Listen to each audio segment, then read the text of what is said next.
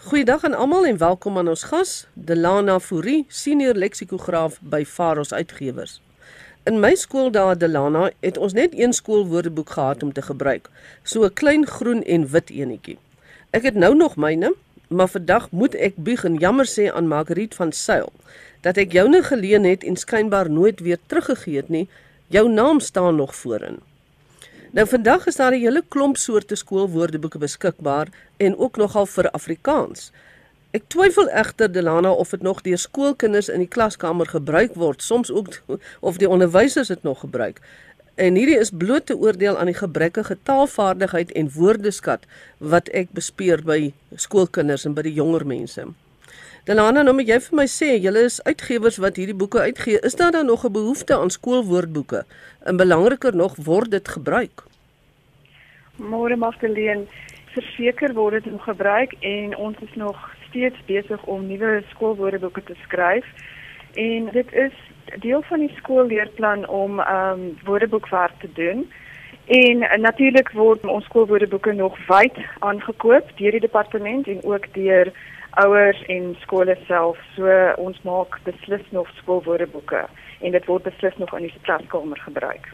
In watter opsig word dit in die klaskamers gebruik of deur die onderwysers en die kinders? Is dit net in die taal uh, lesse of is dit in die algemeen ook? Die kurrikulum vereis dat woordeboeke eentalig en tweetalig en verklarend en tesourese en ander taalverwante nasionale gebruik moet word. Dit is in kurrikulum van graad 1 af.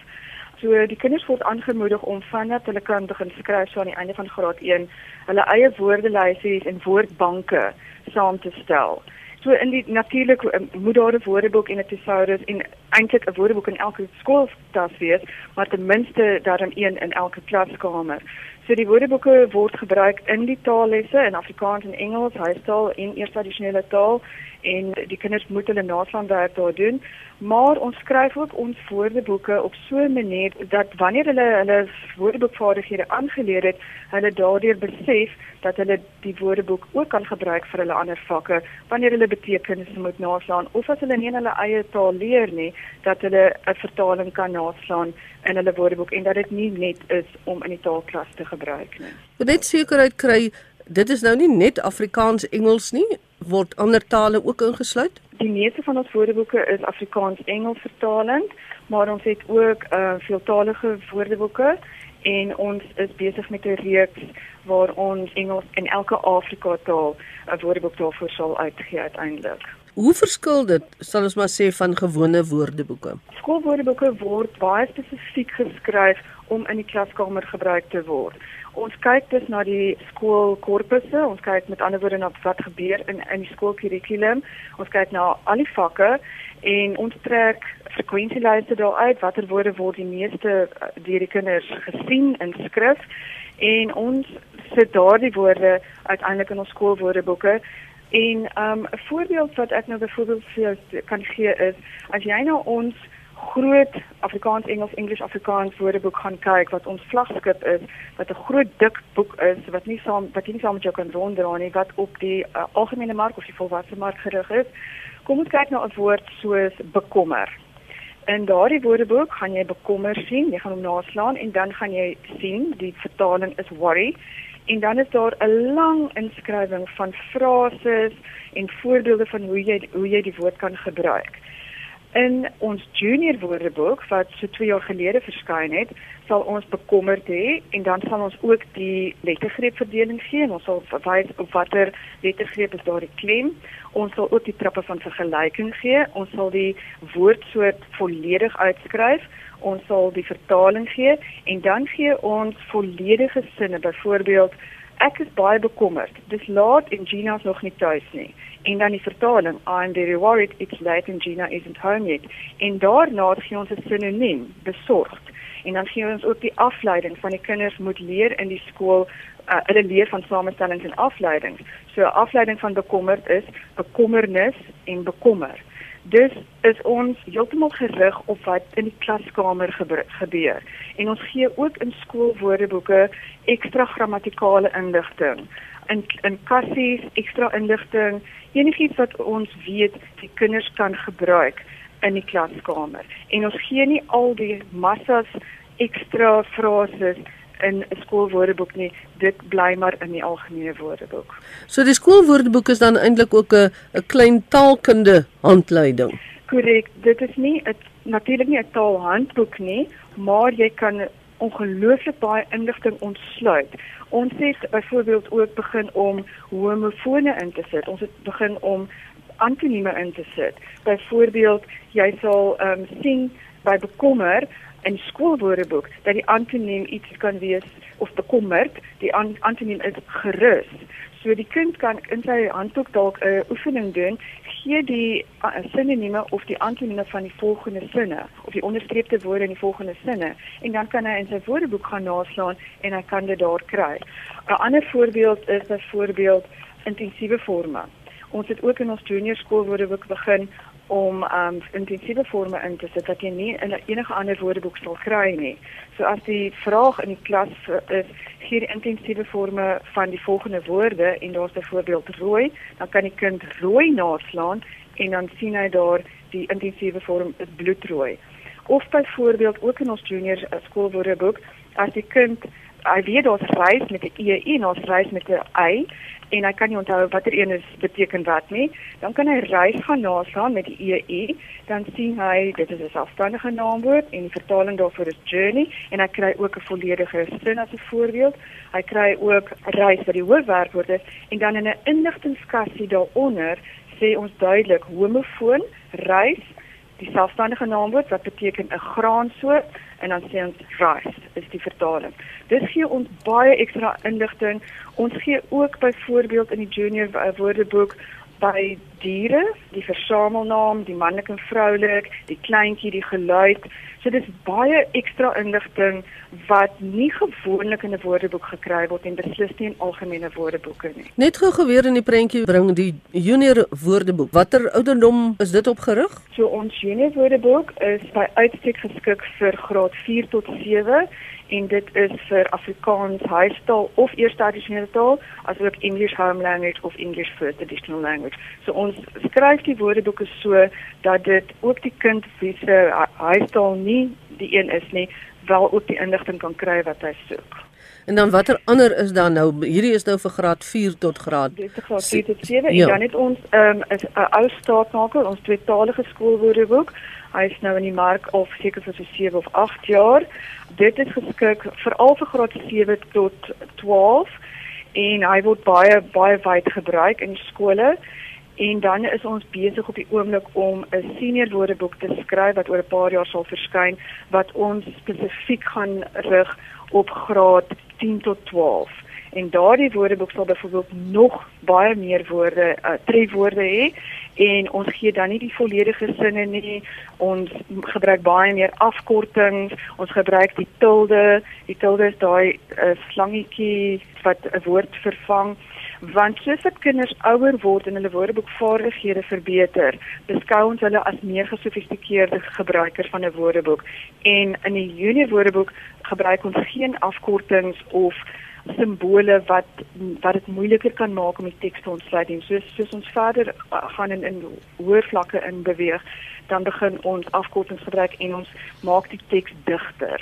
Nou wil ek kom by tot watter mate die skoolwoordeboeke die skoolkinders se taal gebruik. Ek praat nou nie van van slonsige taal gebruik nie. Ek praat nou van taal wat verander het, 'n nuwe woordeskat wat bygekom het en sekere uitdrukkings wat tipies is aan kinders. Word daar voorsiening gemaak daarvoor in die woordeboeke? Nie so baie in die laer grade nie want ons werk soos ek sê met 'n uh, skriftelike korpus. Met ander woorde ons kyk na watter woorde word die meeste op in skrif in teks gebruik wanneer ons besluit watter boeke om in die woordeboek te plaas. Ons sal soms net met 'n etiket aandui dat iets 'n meer informele gebruik het. Ons sal ook byvoorbeeld tegnologiese woorde inbring en gonswoorde, nuwe woorde in sosiale media dit bring ons byvoorbeeld nou in 'n senior woordeboek, maar in die laer grade is dit nie so frequent in die in tekste nie. Ek hoor baie keer dat Afrikaanse jong mense of kinders skoolgaande kinders praat van awe in duidelik, iets is duidelik, maar nou nie in die sin wat ons nou ons geken het nie. En dan ja. soos die aanspreekvorm, al hoe meer kinders sê vir mekaar bra. Nou word ja. sulke woorde ook in die geskrewe woordeboeke uh, vasgevang, byvoorbeeld by die verklarende woordeboek wat op skoolkinders gemik is. In die verklarende woordeboek sal daar soms sulke woorde wees. Ons bring die woorde so stadig maar seker in. Dit hang af hoe frekwent dit gebruik word en ook omdat die kinders in hulle letterkunde en hulle voorgeskrewe werke baie keer sulke dialoog sien, dan sal ons dalk in 'n inligtingskassie sê daai woord is nou 'n variëteit dit is Kaapse variëteit, dit is nie standaardtaal nie. Ons bring sulke woorde so net ter tyd in, maar ehm um, ek sal nie sê in die skoolwoordeboeke sal jy al daardie woorde kry nie want ons het net nie plek in 'n gedrukte woordeboek om al die variëteite te weerspieël nie. So ons uh, het meestal maar die standaardtaal wat weerspieël word in die skoolwoordeboeke. Nou kom ons by die ding met die skoolkinders moet 'n mens deesdae na die tegnologie toe ook gaan. Ja. Waar pas apps of aanlyn in die prentjie? Is daar al byvoorbeeld 'n woordeboek app vir vir kinders, skoolkinders wat dieselfde as die harde kopie is? Nee, ons het nie 'n uh, app nie. Die ontwikkeling van 'n app is ongelo ongelooflik duur. Ons het al daaraan gedink om 'n app te maak vir vir, vir skoolwoordeboeke, maar ongelukkig kan ons dit nie doen nie. So ons doen aanlyn, ons het Faros aanlyn en ons het 'n spesiale skoolpakket op Faros aanlyn. Hoe Faros aanlyn werk is dit is op 'n intekenmodel gebaseer. Met ander woorde, daar is 'n jaarlikse inteken fooi daarvoor en ons het op die oomblik 38 verskillende woordeboeke op Faros aanlyn. As jy dan inteken, kan het jy toegang vir die jaarlikse geld wat jy betaal het tot 38 algemene woordeboeke as ook vakwoordeboeke. As jy nie die vakwoordeboeke wil hê nie, dan kan jy inteken net op die algemene woordeboeke. Ehm um, as jy net die vakwoordeboeke wil hê, dan kan jy daarop inteken. Maar dan het ons ook 'n spesiale uh, pakket net spesiaal vir skole en dit gee vir die leerders en onderwysers toegang tot 'n uh, versameling van 13 aanlyn woordeboeke wat op die daaglikse taalbehoeftes van die leerders fokus en die Afrikaanse woordelys en spelreëls kan ook bygevoeg word. En hierdie pakket um, bied ons spesiaal aan skole so elke leerder in die skool kry toegang op 'n tablet of op hulle foon omdat dit aanlyn is, is dit 'n internet webbladsy, so jy kry toegang daartoe op jou foon of op 'n tablet of op 'n 'n gewone rekenaar. So die skool koop dan hierdie pakket aan en dan Correct. gee jy toegang vir elke kind wat in die skool is en Correct. sê hierso is nou vir jou 'n wagwoord of wat die aantekening die aanteken woord ook ja. al moet wees en jy kan dit gebruik in die klaskamer of wanneer jy huiswerk doen. Ja, hoe dit werk is omdat die skool die pakket aankoop, word die skool se statiese IP-adres gebruik. Dus as die kind in die, in die skoolterrein is, kry hulle outomaties toegang. Hulle hoef nie eers 'n wagwoord te gebruik nie, omdat hulle op die skoolterrein is en op die skool se IP-adres kan ingaan. En dan kan hulle hulle werk, hulle kan hulle uh, huiswerk doen, hulle kan in die klas hulle werk doen, uh, werk uh, doen. Hulle kan ook op 'n uh, smartboard, op 'n witbord in die klaskamer dit doen, die saam met die onderwyser. Dit is eintlik tegnologies so fantasties want almal kan saamwerk en kan saam toegang kry daartoe. Maar elke leerder kan ook op hulle eie foon of tablet toegang kry. Die grootste gebruik seker vir hierdie tipe woordeboeke is die tweetalige ene waar mense nou wil weet wat is 'n woord in Engels of wat is 'n woord in Afrikaans. Maar daar moet seker baie vertaalblapse ook gebeur. Ja, verseker. Ehm um, veral met uitdrukkings en ehm um, goed wat direk vertaal word met homonieme, uh homofone, daardie tipe van van goed veroorsaak groot uh, chaos. 'n Voorbeeld is 'n kind moet 'n vertaling doen of um, net dit kan in die taalklas wees, maar dit kan ook in 'n in 'n ander vak wees. Byvoorbeeld, hulle kry die Engels, you pay a flat rate for the night. So die kind gaan nou probeer om woord vir woord te vertaal. Nou wil hulle flat vertaal en hulle wil rate ook vertaal. En dan kan jy 'n vertaalblad skryf soos jy betaal 'n platprys vir die nag of jy betaal 'n papprys vir die nag.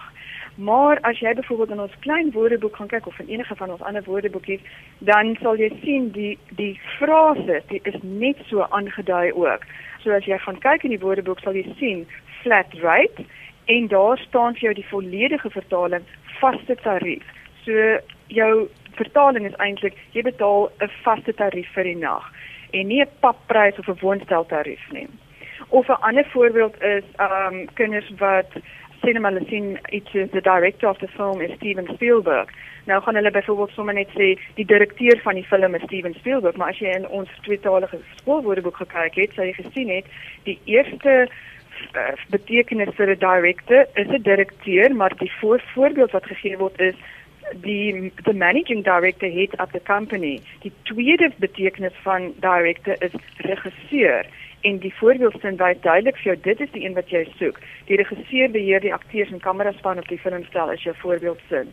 En so kry jy mens die een na die ander blaf. Byvoorbeeld nog eene is ehm um, 'n kind moet byvoorbeeld vertaal fiber is good for your colon.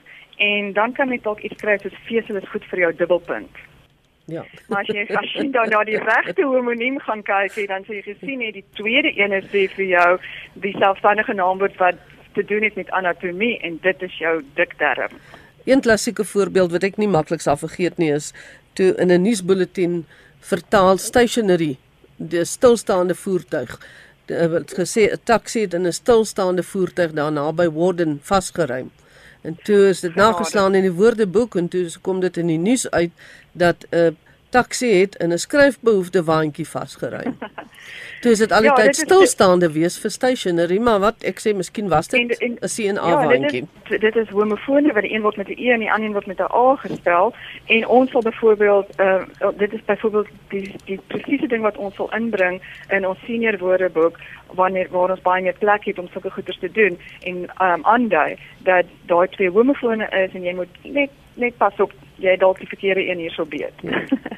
Delana Fourie senior leksikograaf by Faros Uitgewers. Baie dankie vir jou tyd en interessante inligting veral met betrekking tot die skoolwoordeboeke en ek hoop dat skole gebruik sal maak van die dienste wat daar wel beskikbaar is.